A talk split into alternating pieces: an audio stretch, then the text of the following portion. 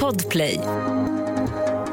Hej, det är dags för ett nytt avsnitt av podden Snutsnack och jag heter Hasse Brontén. Idag heter min gäst Tobias och han sitter på Säffleoperan när jag pratar med honom och du kommer strax få reda på varför. Ja, innan vi drar igång avsnittet, glöm inte att gå in på guldpodden.se och nominera Snutsnack kanske till årets intervjupodd om du gillar den. Det skulle jag uppskatta oerhört. Eller så smiter du in på snutsnack.nu. Köper en termosmugg, en mössa, en mugg eller de som faktiskt håller på att ta slut, vattenflaskorna. Snutsnack.nu. Ja, I Patreon-avsnittet så kommer jag och Tobias prata om, finns det några ja, fördelar med att vara i teaterns värld och samtidigt jobba som polis. Så missa inte det. Patreon.com slash snutsnack om du vill bli Patreon och stötta podden lite extra. Annars finns vi såklart på Instagram och på Facebook. Kanske vi ses där. Men nu tycker jag att vi drar igång. Var försiktig där ute och ha en trevlig lyssning. 1310 1070 kom. 1310 Odengatan kom. Ja, det är uppfattat. Vi tar det. Slut. Bra. Klart slut. Välkommen till eh, Snutsnack Tobias. Ja, tack så mycket. Hur står det till?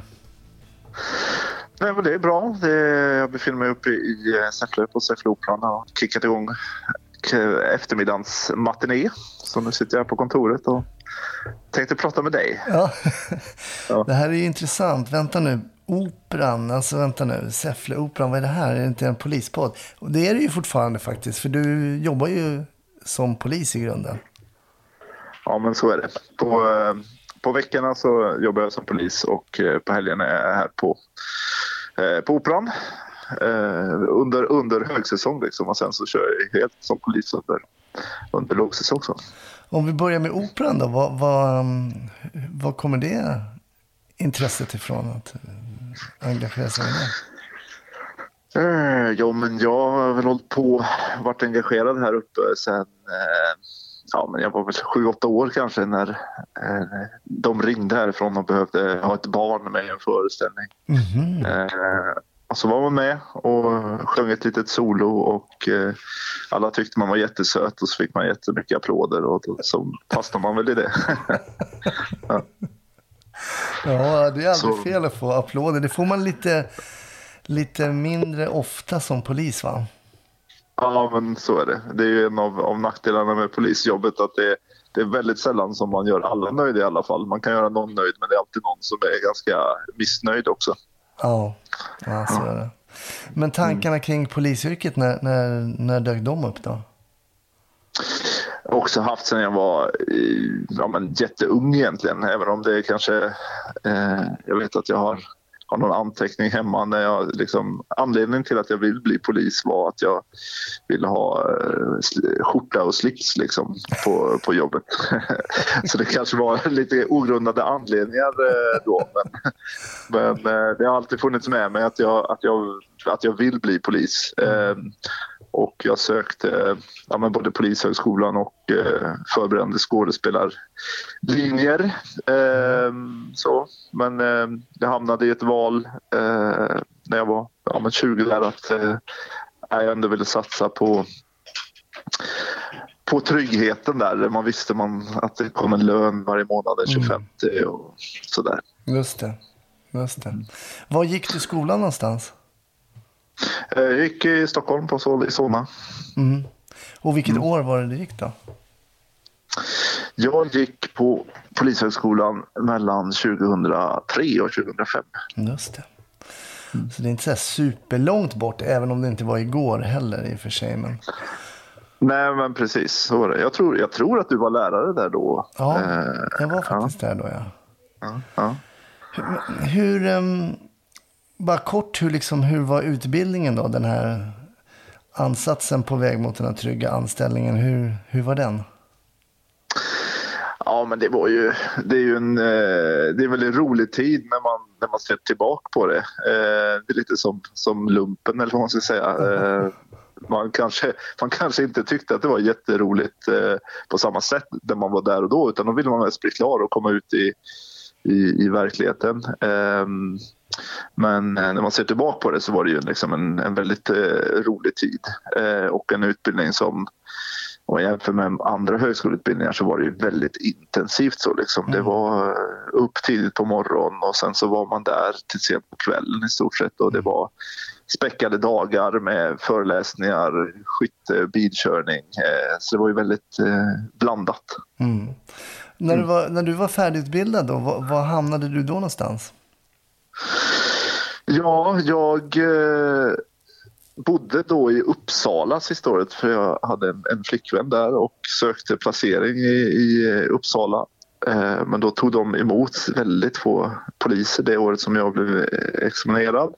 Och sen hade jag väl tänkt att eh, jag ville jobba i en lite större stad så. Eh, så då sökte jag Stockholm i andra hand. Då tog inte de, de tog alla sina förstahandsval men de tog inga andrahandsval. Mm -hmm. Och då hade jag Värmland som tredje alternativ och det hade jag väl inte egentligen tänkt att, att, att det skulle hamna där men eh, det gjorde jag. Eh, så jag blev placerad i min, eh, i min hem, hemmastad, liksom Säffle, där jag är född och uppvuxen. Och det var en, ja, men en, en krock eller vad man ska säga. Det var, ja, helt plötsligt hamnar man i ett samhälle där alla vet vem man är. Mm. Eh, man, eh, det hade inte varit några nya poliser i, i Säffle på, på många år. Det var, eh, det var ganska få poliser och de som var var nära pensionsålder. Mm. Eh, men när jag kom då så placerades jag ihop med jag tror fyra eller fem nya eh, poliser. Så det blev verkligen en eh, eh, men ett annat tempo ja. när vi kom. Liksom. Ja, eh, och så var jag eh, den enda som var härifrån och var liksom ett litet ansikte utåt. Och det blev kanske lite grann en chock för, eh, eh för, för eh, orten att eh, oj, nu kom det poliser som brinner och jobbar intensivt. Och då fick jag liksom lite grann bära ett hundhuvud där att oj, oj, oj, nu är de igång igen, de här nya poliserna.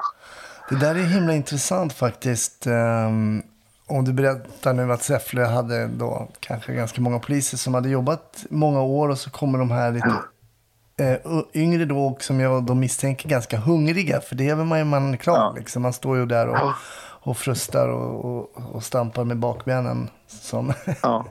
Ja. va, va, hur... Um, hur du sa att det blev liksom ett litet uppvaknande. Var det för orten i sig eller var det också för poliserna som ni träffade när ni kom med fem nya? Hur, hur, hur, hur blev det? Liksom? Ja men så var det väl. Jag tror det, var, det fanns fyra poliser i Säffle och så kom vi fem nya. Eh, och de var ju liksom, eh, nu pratar jag yttre tjänst, mm. eh, och de var eh, Eh, ja, men inbydla, in, indelade i patruller som, eh, som alltid jobbade tillsammans. Mm. Eh, så de här fyra mixades aldrig utan de jobbade tillsammans. Och när vi kom så tänkte väl vi att ja, men här, vi kommer väl att dela upp oss här nu då. Mm. Men det, de sa ganska tydligt nej, Eh, man går inte i, i mellan väggen och tapeten. Vi vill fortsätta att arbeta tillsammans. Eh, så, så då fick ju vi bilda patruller eh, och vi var ju väldigt ja, men nya liksom. Mm. Och på många sätt drivna men det hade ju varit bättre att få ja, men få tanka av lite erfarenhet mm. och sådär av, av, en, av en äldre kollega. Ja, men precis. Och det har vi hört mycket i podden om vad bra det var att jag gick med den här äldre kollegan och eh, den erfarenheten ja. som den personen hade kom över till mig. Höll tillbaka mig lite samtidigt som jag kanske pushade på den äldre.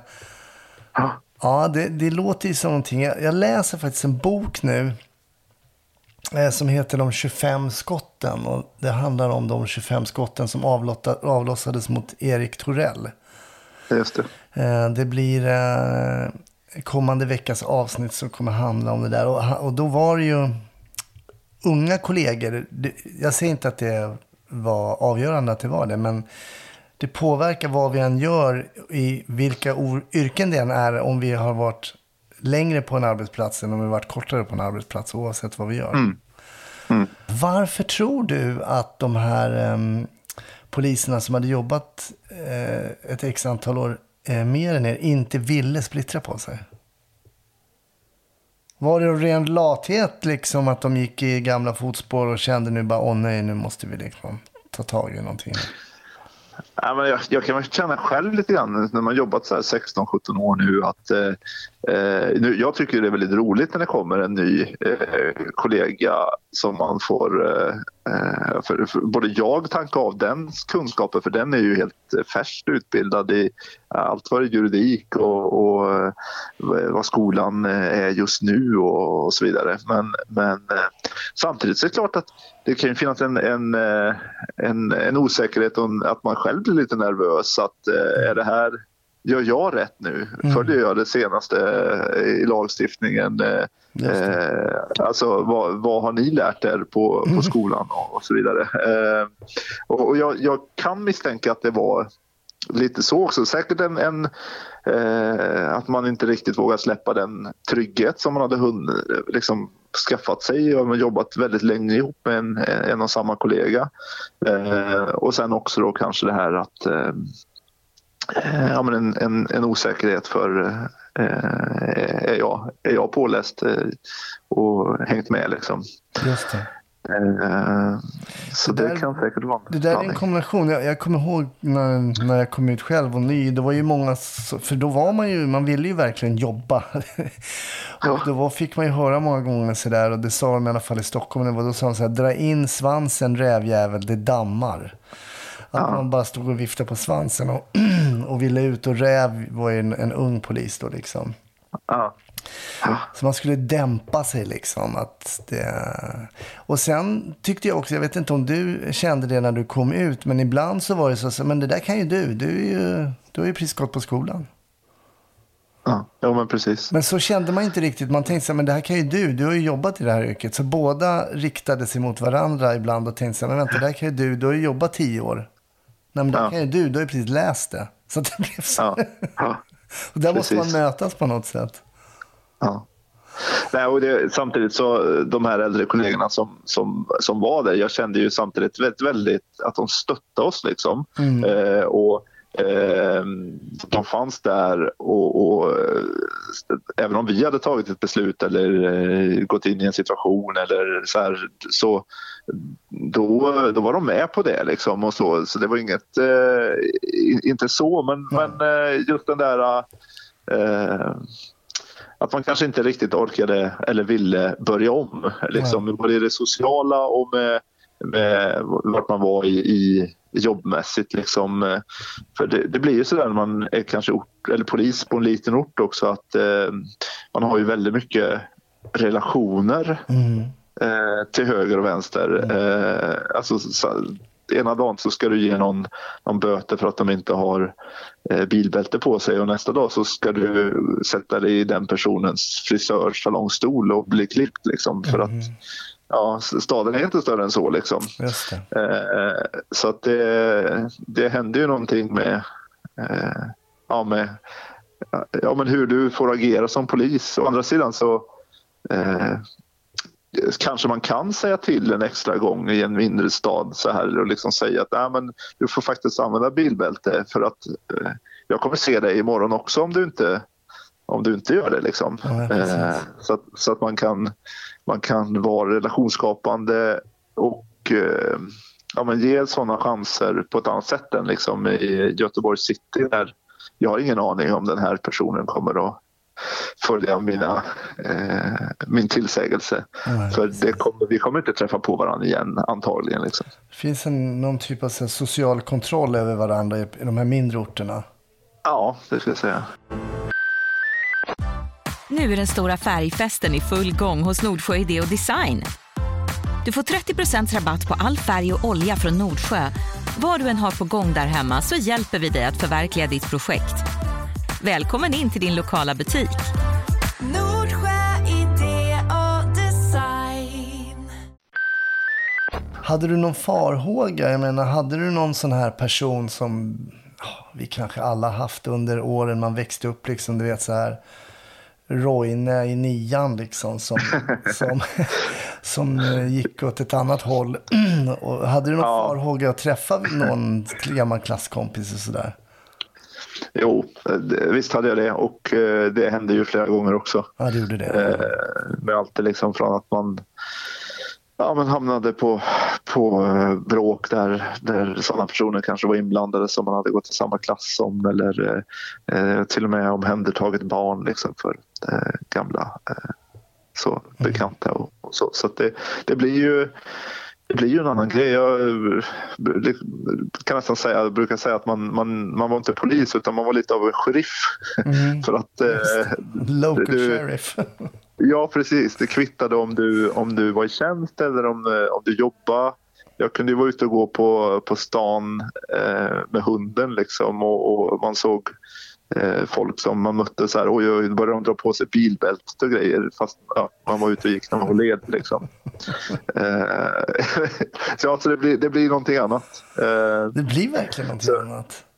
Ja, det blir det. Så jag, jag tyckte till, det, det slutade med att ja, men efter två år eller något sånt så, så tyckte jag det var så eh, påfrestande liksom till slut.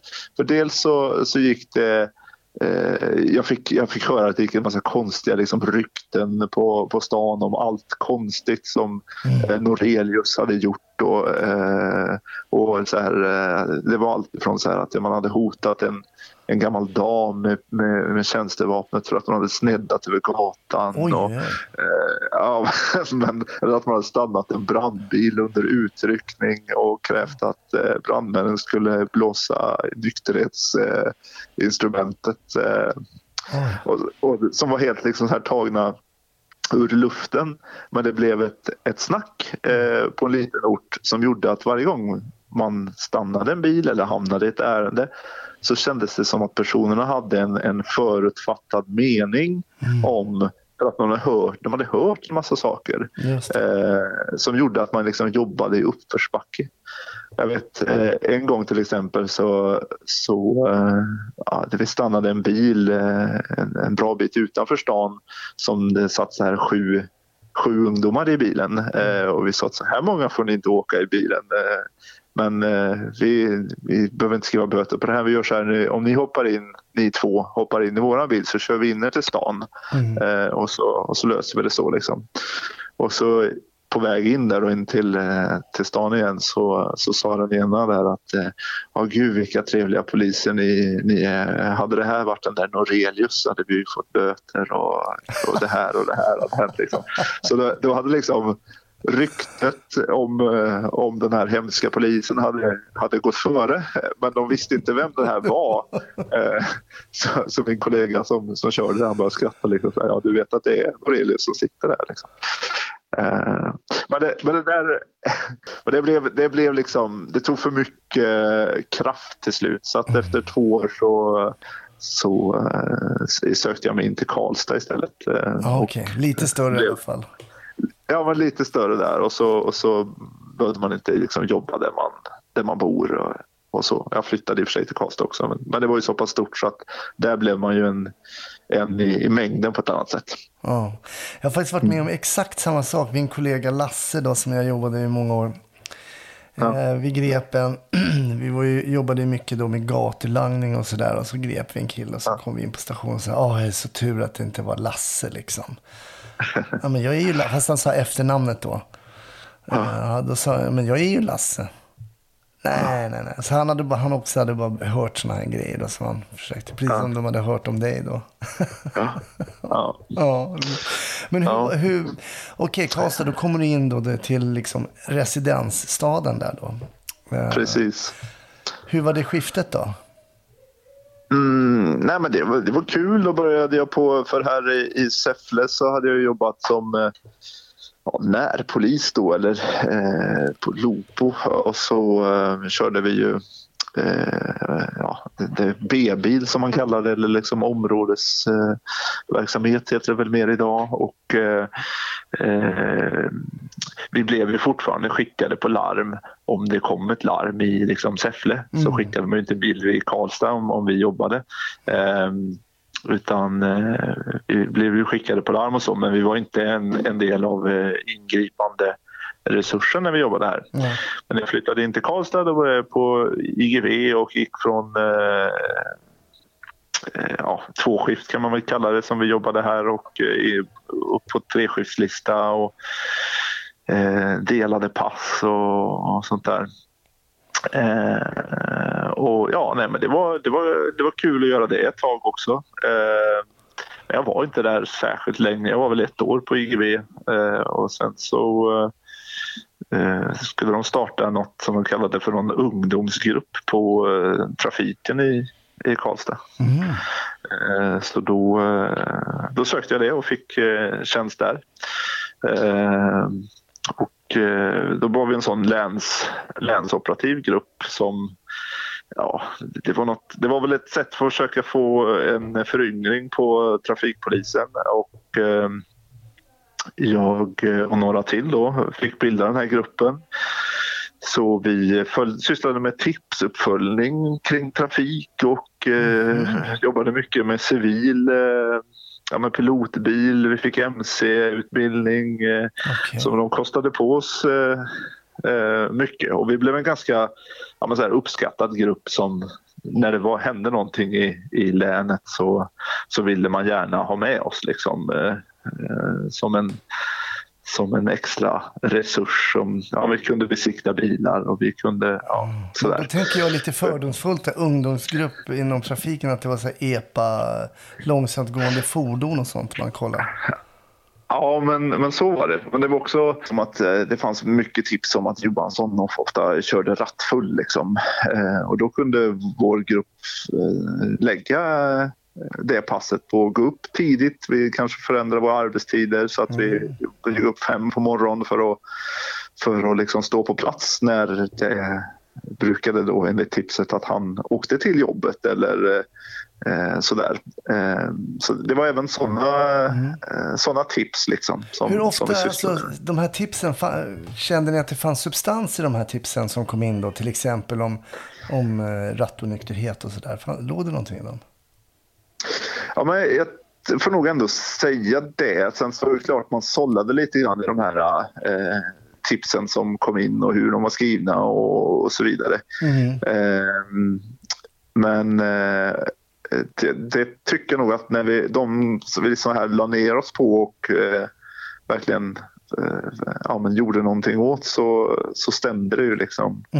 Jag kommer ihåg en, en som det var tips om som vi eh, åkte ut eh, och eh, kontrollerade. Det var en dam som åkte till Systembolaget. Eh, och vi tänkte, ja, men det här stämmer säkert och kontrollerade och det var eh, hon blåste negativt då, så att säga. Hon var nykter. Men det, men det var något, hon, hon skakade eh, och, och eh, det var, vi fick någon, någon känsla att det här, det här är, stämmer nog ändå. Liksom. Så vi, vi, eh, vi, vi väntade en liten stund och sen så åkte vi eh, tillbaka eh, mot där de bodde. Och så eh, stod vi kvart- kvarteret innan och när de kom tillbaka eh, så bad vi henne blåsa igen men då vägrade de blåsa för de sa att de redan hade blåst. Eh, okej. Ja, men det gjorde hon till slut och eh, då hade hon ju halsat en, en kvarting whisky. Oj. Så liksom på, på vägen hem där. Ja, nej, så, så. Alltså, det, ja, det är klart. Men då har man ju problem som... Det är inte bara att man, för att man tycker whisky är så himla gott liksom. Nej, verkligen inte. Och så, och så var mannen hemma och så här och man smyger för varandra. Det är en del av liksom missbruksproblematiken. liksom, man kan inte dricka hemma utan eh, just i, i hennes fall så var det liksom ett, eh, en skogsdunge på vägen hem som hon brukar stanna vid och eh, eh, svepa då eh, whiskyn och sen så fortsätta hem. Ja. Så i den här skogsdungen så hittade vi hur mycket eh, tomma spritflaskor som helst. Mm, det Det är tragiskt. Ja, Nej, men precis. Det är tragiskt. Men sen lämnar du Karlstad också till slut. Ja, men precis. Sen så eh, gjordes det lite förändringar på, på trafikenheten och man eh, ville väl gärna att vi skulle eh, syssla med men lite mer traditionell trafikövervakning, eh, tunga fordon och, och sånt där. Och det var jag inte alls intresserad av så att jag, Nej. jag eh, sökte mig till eh, ledningscentralen i Karlstad eller Värmland. Mm. Så där hoppade jag in och var eh, två år. Sen så kom ju den stora omorganisationen och eh, man, eh, det började ju pratas om att eh, olika ledningscentraler skulle läggas ner och det skulle bildas större regionledningscentraler. Mm. Eh, och då skulle Karlstad vara en sån som skulle läggas ner. Eh, och eh, det låg väl då i luften och en, en farhåga för att vi skulle bli tvångsförflyttade eh, förflyttade eller kommenderade till Örebro. Mhm. Och det var jag heller inte så sugen på. Okej. Eh, och, och, och jag tänkte att eh, men då vill jag hellre styra min egen eh, framtid. Mm. Eh, så då tog jag kontakt med eh, chefen för ledningscentralen nere i Göteborg. Mm. Eh, och där eh, hade de ju väldigt ont om personal så att de tog emot mig med öppna armar. Och jag hade ju sen tidigare tänkt att jag ville pröva på en lite större stad för det var ju det jag hade tänkt från början. Mm. Eh, Så på den vägen var det att jag hamnade på, på ledningscentralen i, i Göteborg. Eh, Och det hade jag väl tänkt liksom mer som en ingång in i Västra Götaland och, eh, och inte var där så länge. Men det blev, det blev faktiskt sju år. Jaha, det var så pass. Ja, jag trivdes väldigt bra. Jag tyckte jobbet var, ja, men var, var kul och det, det gav mig någonting. Liksom. Eh,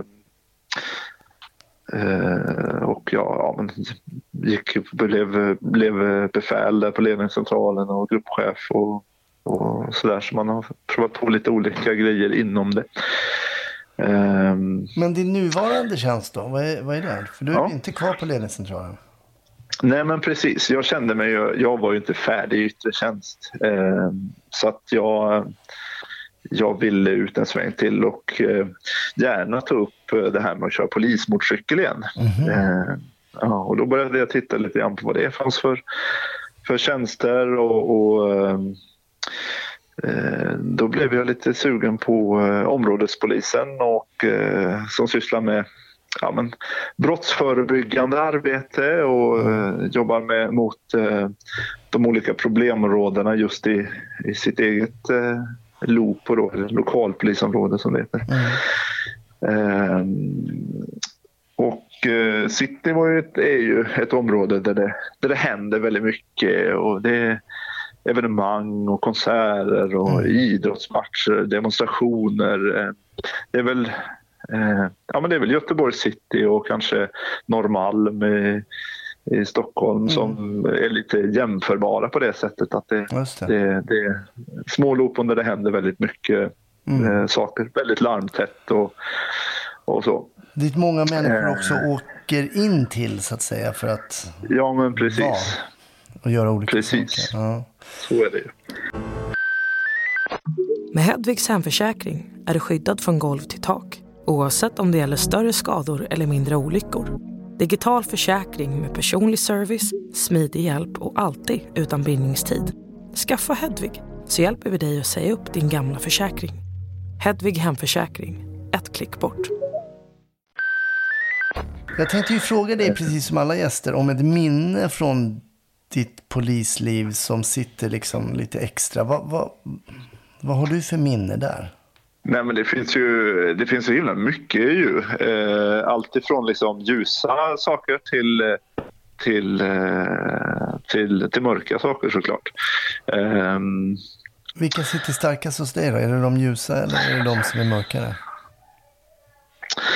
jag tänker väldigt sällan på liksom, eh, tråkigheter från jobbet. Mm. Eh, Ja, gör inte det, utan nej. på, nej, jag, jag försöker nog lägga det eh, bakom mig. Sen, det, är, eh, det är en del kopplat till, till, till det andra jag håller på med, med teatern och musiken och, och sådär också. Mm.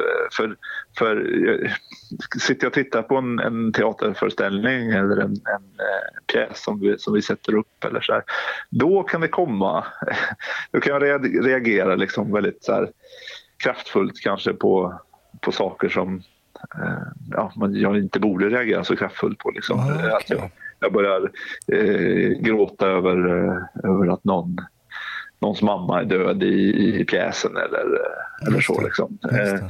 och, och det tror jag kan koppla liksom, till, till, mörka, eh, till mörka händelser som man varit med om. Mm. Eh, eh, så. Men, men jag tänker, tänker väldigt sällan på det eh, liksom till vardags. Utan Har du förmågan att liksom lägga det åt sidan tror du? Kan du göra det så att säga med tankekraft? Eller är det så du är bara? Eller? Ja, jag tror att det ligger nog mycket i min, i min person. Liksom, att jag, Mm. jag fokuserar inte på, eh, på det negativa eller det tråkiga utan eh, det, det försöker jag lägga bakom mig. Sen är det klart att det, man, ska inte, man ska inte bara trycka ner saker eller stoppa det i någon slags ryggsäck. Och, för eh, vi har ju ändå blivit bättre inom polisen att liksom prata om saker som händer och bearbeta det i liksom närtid. eh, Mm. Eh, så sett. Men jag, jag har också varit eh, under mitt, min poliskarriär som eh, ändå är då 16-17 år väldigt befriad från eh, de här riktigt eh, eh, hemska sakerna. Liksom. Mm. Mm. Eh, jag vet inte, jag har lyckats zigzacka mig eh, igenom det. Inte för att jag försökt undvika det, men utan det är liksom Det handlar ju händer också om någon man- form av tur alltså. Eller otur Ja, men- kan man faktiskt säga. Precis, det är, för det, det är ju kollegor som liksom har jobbat några månader som har varit på väldigt mycket hemskheter liksom under kort eh, period. Men det, det, man, man kan ju inte göra mer än att man, man är på det som händer när man jobbar. Och, Ja, eh, precis. ja, så. Men, men du nämnde ljusa, du, du sa att du fick upp tankar om så här ljusa händelser. Vad, vad är, kan du ge några exempel på saker där liksom det har varit positiva händelser i jobbet? Ehm, nej men, ja, det är jätte... Jag jag är nog ganska dålig på liksom så här. för, för det kan ju min fru fråga mig ibland när jag kommer hem så här, ja, det hänt någonting idag? Man bara, eh, nej, det vet jag inte. Speciellt när man var på ledningscentralen, man satt och matade eh, hur mycket ärenden som helst. Liksom, och man... Eh, ja, så, så, så allt bara flyter ihop liksom till någon... Eh, det är svårt att plocka ut enskilda, eh, enskilda tänker grejer. På, jag tänker på möten. Vissa människor blir man ju liksom, på något sätt får man ju något, någon lite Mm. mer connection med än med andra när man har varit på jobb och, och sådär. Jag tänker på, på så mänskliga möten som du kanske kommer ihåg som har varit positiva eller negativa eller där det har hänt någonting. Är det någonting sånt där ibland som, som kan ha stuckit ut liksom? Eller något minne som du kanske som poppar upp när du sa att du sitter på teatern tänker det kan nog bero på den grejen. Att jag nu är ledsen Ja. liksom. Ja, jag, jag, jo, jag fattar. Det, jag kan uppleva, det kommer ju sådana här saker ganska spontant. Men, jag menar, man är ute och åker med polisbilen, sitter med sin kollega så här, och så kommer man till en, en kurva eller eh, en plats där liksom så här, ja just det, här händer det här. Mm. Och, så, och så kommer det. Men jag har väldigt svårt att liksom så här plocka fram ja, men det här är ett, ett fint eh, eller roligt eh, polisminne. Eh, jag, För det, Det- finns inte stunder där du liksom har varit kanske på ett ärende någonting och tänkt så här, varför, varför valde jag det här jobbet liksom? Varför nu är jag här, mitt upp i det här? Mm. Har det funnits sådana stunder någon gång under din polisiära karriär där du bara, men det här var inte kul? Eller bra? ja, alltså, eh, det kanske låter klyschigt men jag, nej, jag har faktiskt aldrig ångrat eh, yrkesvalet. Det finns så himla mycket eh, att pröva på inom det. Eh, jag tycker fortfarande att det är väldigt roligt att gå till jobbet efter eh, 16-17 år. Mm. Eh, och, och eh, det är nästan... Alltså jag, jag är oftast eh, kvar lite längre än vad jag ska vara. Eh, för att jag, jag, jag, innan man tar sig hem. Liksom. Eh, men det är väl... Eh, jag, jag är en person som verkligen tycker om att, att arbeta. Och eh, det är väl lite av en arbetsnarkoman. Jag, menar, jag, jag, jag jobbar heltid och sen så driver jag tre företag vid, sidan av och Ja. tre barn. Och, alltså det är så här, det, Det finns att göra. det, det finns att göra och eh, jag, jag tycker om det. Jag blir väldigt rastlös om det inte om jag inte har någonting att göra helt enkelt. Så jag tänker, det finns ju... Du pratade om den här kvinnan till exempel som var på system och sen så tryckte hon i sig en kvarting whisky. Liksom. Det, det är ju lite det polisiära på något sätt att man ser skuggan av liksom, det som bara är ljust när man, alla andra går till jobbet. Hur har det... Ja. vad- För, för mig var det i alla fall en upptäckt på något sätt som kom från ja, men, hyfsat fungerande liksom, miljö och sen så bara möter man, tänker fasen bor folk så här? Hur kan, de behandla, hur kan människor behandla varandra på det här sättet? Eh, Ja. och det är många sådana frågor som dök upp hos mig. Kom de, kommer de till dig ibland liksom också? Ja, men, men eh, visst är det så. Eh, jag, när man, man besöker eh, kanske, nu jobbar jag i Göteborg city med, med de förutsättningarna, liksom, men det händer ju liksom att man ja, av olika anledningar hamnar utanför stan eh, och en sån grej gjorde vi i, i somras. Vi var, fick hoppa in ett pass på IGV där då. Eh, och eh, fick åka på ett lägenhetsbråk uppe i, i Bergsjön eller något sånt eh, utanför Göteborg. Och det är ett sånt område som är ganska utsatt och har, har de förutsättningarna som de har. Liksom.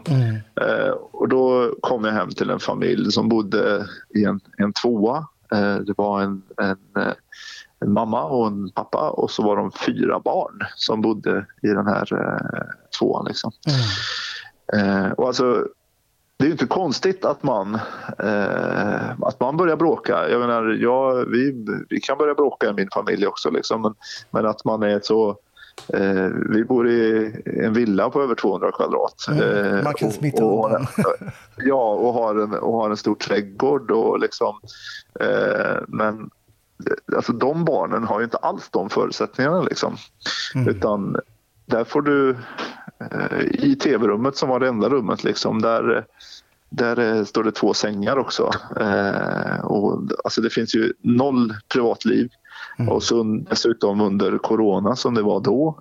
Eh, kanske det finns alla andra aktiviteter är inställda. Eh, alltså du bor ju verkligen eh, på varandra. Eh, så det kan, det, jag, vet, den, jag sa det till min kollega när vi gick därifrån, liksom, man har ju en st- stor ödmjukhet för att, eh, att det finns väldigt olika förutsättningar för eh, ja, men olika personer i, i samhället. Eh, att, Mm. att följa lagar och regler och, och, och så. Va? Sen så man kan inte ta ifrån folk eh, ja, men egenansvaret och eh, att man till syvende och sist eh, är, är, det, är det du själv som person som bestämmer vilka val du gör. Men, men eh, man får komma ihåg att vi har olika förutsättningar också. Mm. Och se de här sakerna då. Jag, menar, jag läste den här boken också av Diamant Salihu, tills, all, tills alla dör, tror jag den heter. Det handlar ju om de här gängskjutningarna som Mm. varit ute i Järvaområdet. Och då var det en kille där, jag vet inte hur många barn de var. De frågade honom, men var sover du då? Nej, jag sover där, där skorna är. Ja. Liksom att man liksom inte ibland fattar då, så att folk sover liksom i hallen och puttar undan dojorna och så slaggar man där liksom. Ja, ja. Nej, och det är såklart. Och ehm, ja, Jag tänker just det att man har barn själv. Det påverkade mig väldigt mycket i alla fall när man blev förälder och, och såg saker som man kunde liksom... Det fanns beröringspunkter hela tiden till ens eget liksom. Beroende på vilken ålder då ens eget barn var i och så vidare och så vidare så, så påverkade det mig i alla fall. ja. Och det är väl, det är väl kanske um, oerhört mänsklig reaktion kanske. Att, Såklart. Och det är, det är ju väldigt många kollegor som man pratar med. Jag försöker med, gentemot min personal så, här, så har vi försökt att prata om med varandra. Vad, vad triggar dig? Vad, vad gör dig arg? Vad gör dig ledsen? Vad tycker du skulle vara jobbigt att hamna på för ärenden? Och det är väldigt många som säger just det att eh, alltså, vad som helst men inte barn. Eh, och, och där barn är utsatta eller där, där eh, de är, är olyckor med barn och, och så vidare. Ja. Jag tänkte, var var du när kollegan sköts då i Göteborg nu i somras? Mm. jag var hemma och hade semester. Eh, eh, och, men hade personal i tjänst då liksom. Så att jag, det började ju plinga i telefonen liksom när jag och, och frun satt och, och tittade på TV. Eh, där, eh, ja, det första eh, indikationerna var jag fick ju reda på att det var ett, ett grovt brott som hade hänt och, och sen så kommer det liksom detaljer undan för undan. Eh, ganska tidigt så får vi ju, eller jag får eh, liksom obekräftade uppgifter på att det är en kollega som är skjuten. I, vi har ju liksom interna chattgrupper och annat. Liksom, som, Mm. så. Men eh, ja, och då, då, eh, då blir ju första reaktionen liksom att eh, ja, jag måste in och, och, och jobba, hjälpa till och, och ja, men se om jag kan göra något. Liksom. Så jag, man ringer ju in och men samtidigt så kan ju inte alla börja jobba eh, samtidigt heller för då finns det ingen som kan jobba dagen efter eller det finns inte Ja, fordon. Det finns alltså, så, eh, så det blev att jag inte eh, åkte in där eller bröt semestern eh, eh, den dagen. Utan, men eh, Hur påverkade det dig att en, att en kollega i liksom samma stad, jag vet inte om du kände honom? eh, Nej, det, det gjorde jag inte. Liksom. Men man, man, eh, alltså, Polis-Sverige är ju inte större än att man har ju ändå, eh, ändå relationer i, i det här. Liksom. Så hans sambo kände jag ju och, eh, och så. Va? Så det, det finns ju ändå... Alltså, det lämnar ingen polis oberörd. Eh, och, eh, för, första tanken är ju såklart, liksom, är det här någon av, av, av min personal? Och, och så. eh, det, det blev ju att man tog kontakt med dem och eh, det var ju folk på plats där då som, som eh, var ifrån områdespolisen och kollade så att de var okej och eh, ja. Det, det är sånt man inte vill eh, och får inte hända liksom. Men det, det, det hände och det har varit, varit mycket sånt på kort tid tycker jag nu är det med två kollegorna i, i eh, livvaktsbilen där och det, Mm. ja. Hade du en sådana tankar någon gång när du började jobba som polis att kanske inte kommer hem?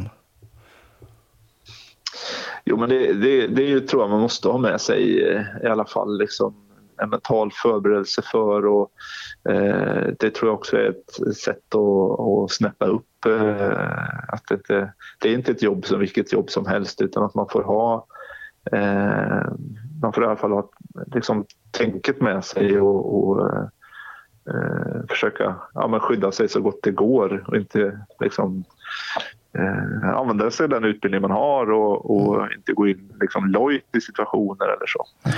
Eh, som, i, men som i fallet här i Göteborg så känns det ju så fegt. Det är ju ingen som har eh, haft chansen att eh, förbereda sig eller försvara sig. Utan Nej. det känns som verkligen som det kan ha hänt vem som helst utav oss. Liksom. Eh, fel, fel plats vid fel tillfälle. Och, Mm. eh, Men jag ja, tänker, du som, du som är gruppchef och din personal, hur, det är ju också liksom...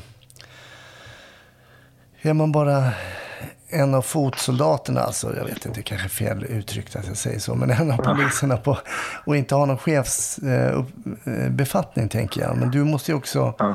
först trygga dig själv och sen måste du också trygga din personal. Kunde du känna också från din personal att det krävdes mer liksom, snack och kräv, krävde mer, ehm, mer liksom, kanske förberedelse för att gå ut nästa pass eller något sånt där? Påverkade det så pass? Eh, ja, men vi, alltså vi, vi har ändå en, en, en personalgrupp och så, så det känns som att det, det är lätt att... Och, um, vi, har, vi, har, vi, vi pratar mycket och eh, stämmer av med varandra liksom, hur vi mår och, och, eh, och så. Ehm, och det, det, jag märkte ju att, att det påverkade eh, ja, men, både folk på individnivå och eh, polisen som, eh, som grupp, eller vad man ska säga. Eh, och det, om man ska säga så, så våra motståndare är inte heller sena att liksom utnyttja det här. För det, det dröjer ju inte länge innan man står på Avenyn och eh, ja, men, folk kommer och, och liksom ska pika eller, eller försöka trigga fram en reaktion ifrån polisen genom att liksom säga någon, någon eh, illa vald kommentar om, om den här eh, skjutna kollegan eller, Ja, eller de som... Mm. Ja. Och det, så, så är det ju tyvärr. Det, eh, och då gäller det ju att ja, kunna fortsätta agera professionellt även om man blir väldigt kränkt och sårad över det. Liksom. Mm. Ja, ja, det är det. Människan som varelse är väldigt intressant ur många synvinklar kan man säga. Ja, ja, ja. Du, svängningarna är tvära i livet och även i podden Snutsnack. Jag tänkte vi skulle fråga lite, du som är mm, ja, lite skådespeleri och teater och opera. Men eh, polisfilmer, hur ser det ut där då? Tittar du på sånt? Ja, nej men min, min fru till exempel säger att det är inget roligt att titta på polisserier eller polisfilmer med mig för man sitter och liksom kommenterar och stör sig på detaljer och, Ja. och sådär. Eh, och det, ja, nej, jag tittar inte jätteofta på det men, men visst det händer och det finns ju faktiskt eh, sådana som är, eh, är riktigt bra. Mm, kan du att, nämna eh, någon? ja. Eller någon serie? Ja, det, nu senast har jag börjat titta på, nu kommer jag inte ihåg vad den heter, men med Robert Gustafsson. Det som göms i snö, kan det vara det? Mm, Är det Robert Gustafssons? just det, så heter den. Han har Ja, det är lite- det är han, liksom- jäklar vad han har breddat sig. Ja, man verkligen. växte upp med honom. Ja, precis. Eh, och det, och det, det känns som ja, men någonting annat lite grann. Ja. Eh, sådär. Eh, men ändå, ändå liksom välgjort och, och, och bra. Så att den, den eh, har jag börjat kika på lite grann. Tobias, stort tack. Vi ska prata vidare lite i ett Patreon-avsnitt. Jag tänker vi ska prata lite om den här kombinationen lite polis och teatern. Mm. Eh, och se mm, om det kanske finns beröringspunkter eller inte. Men tack så jättemycket så länge för att du var med i ett avsnitt av Snutsnack. Ja, tack själv.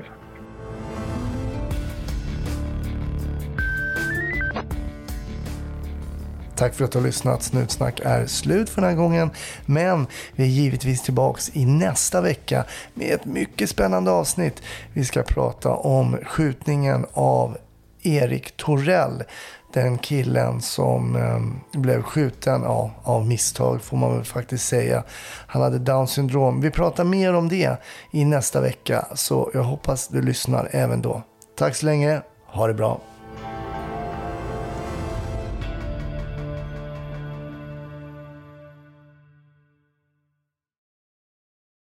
Med Hedvigs hemförsäkring är du skyddad från golv till tak oavsett om det gäller större skador eller mindre olyckor. Digital försäkring med personlig service, smidig hjälp och alltid utan bindningstid. Skaffa Hedvig så hjälper vi dig att säga upp din gamla försäkring.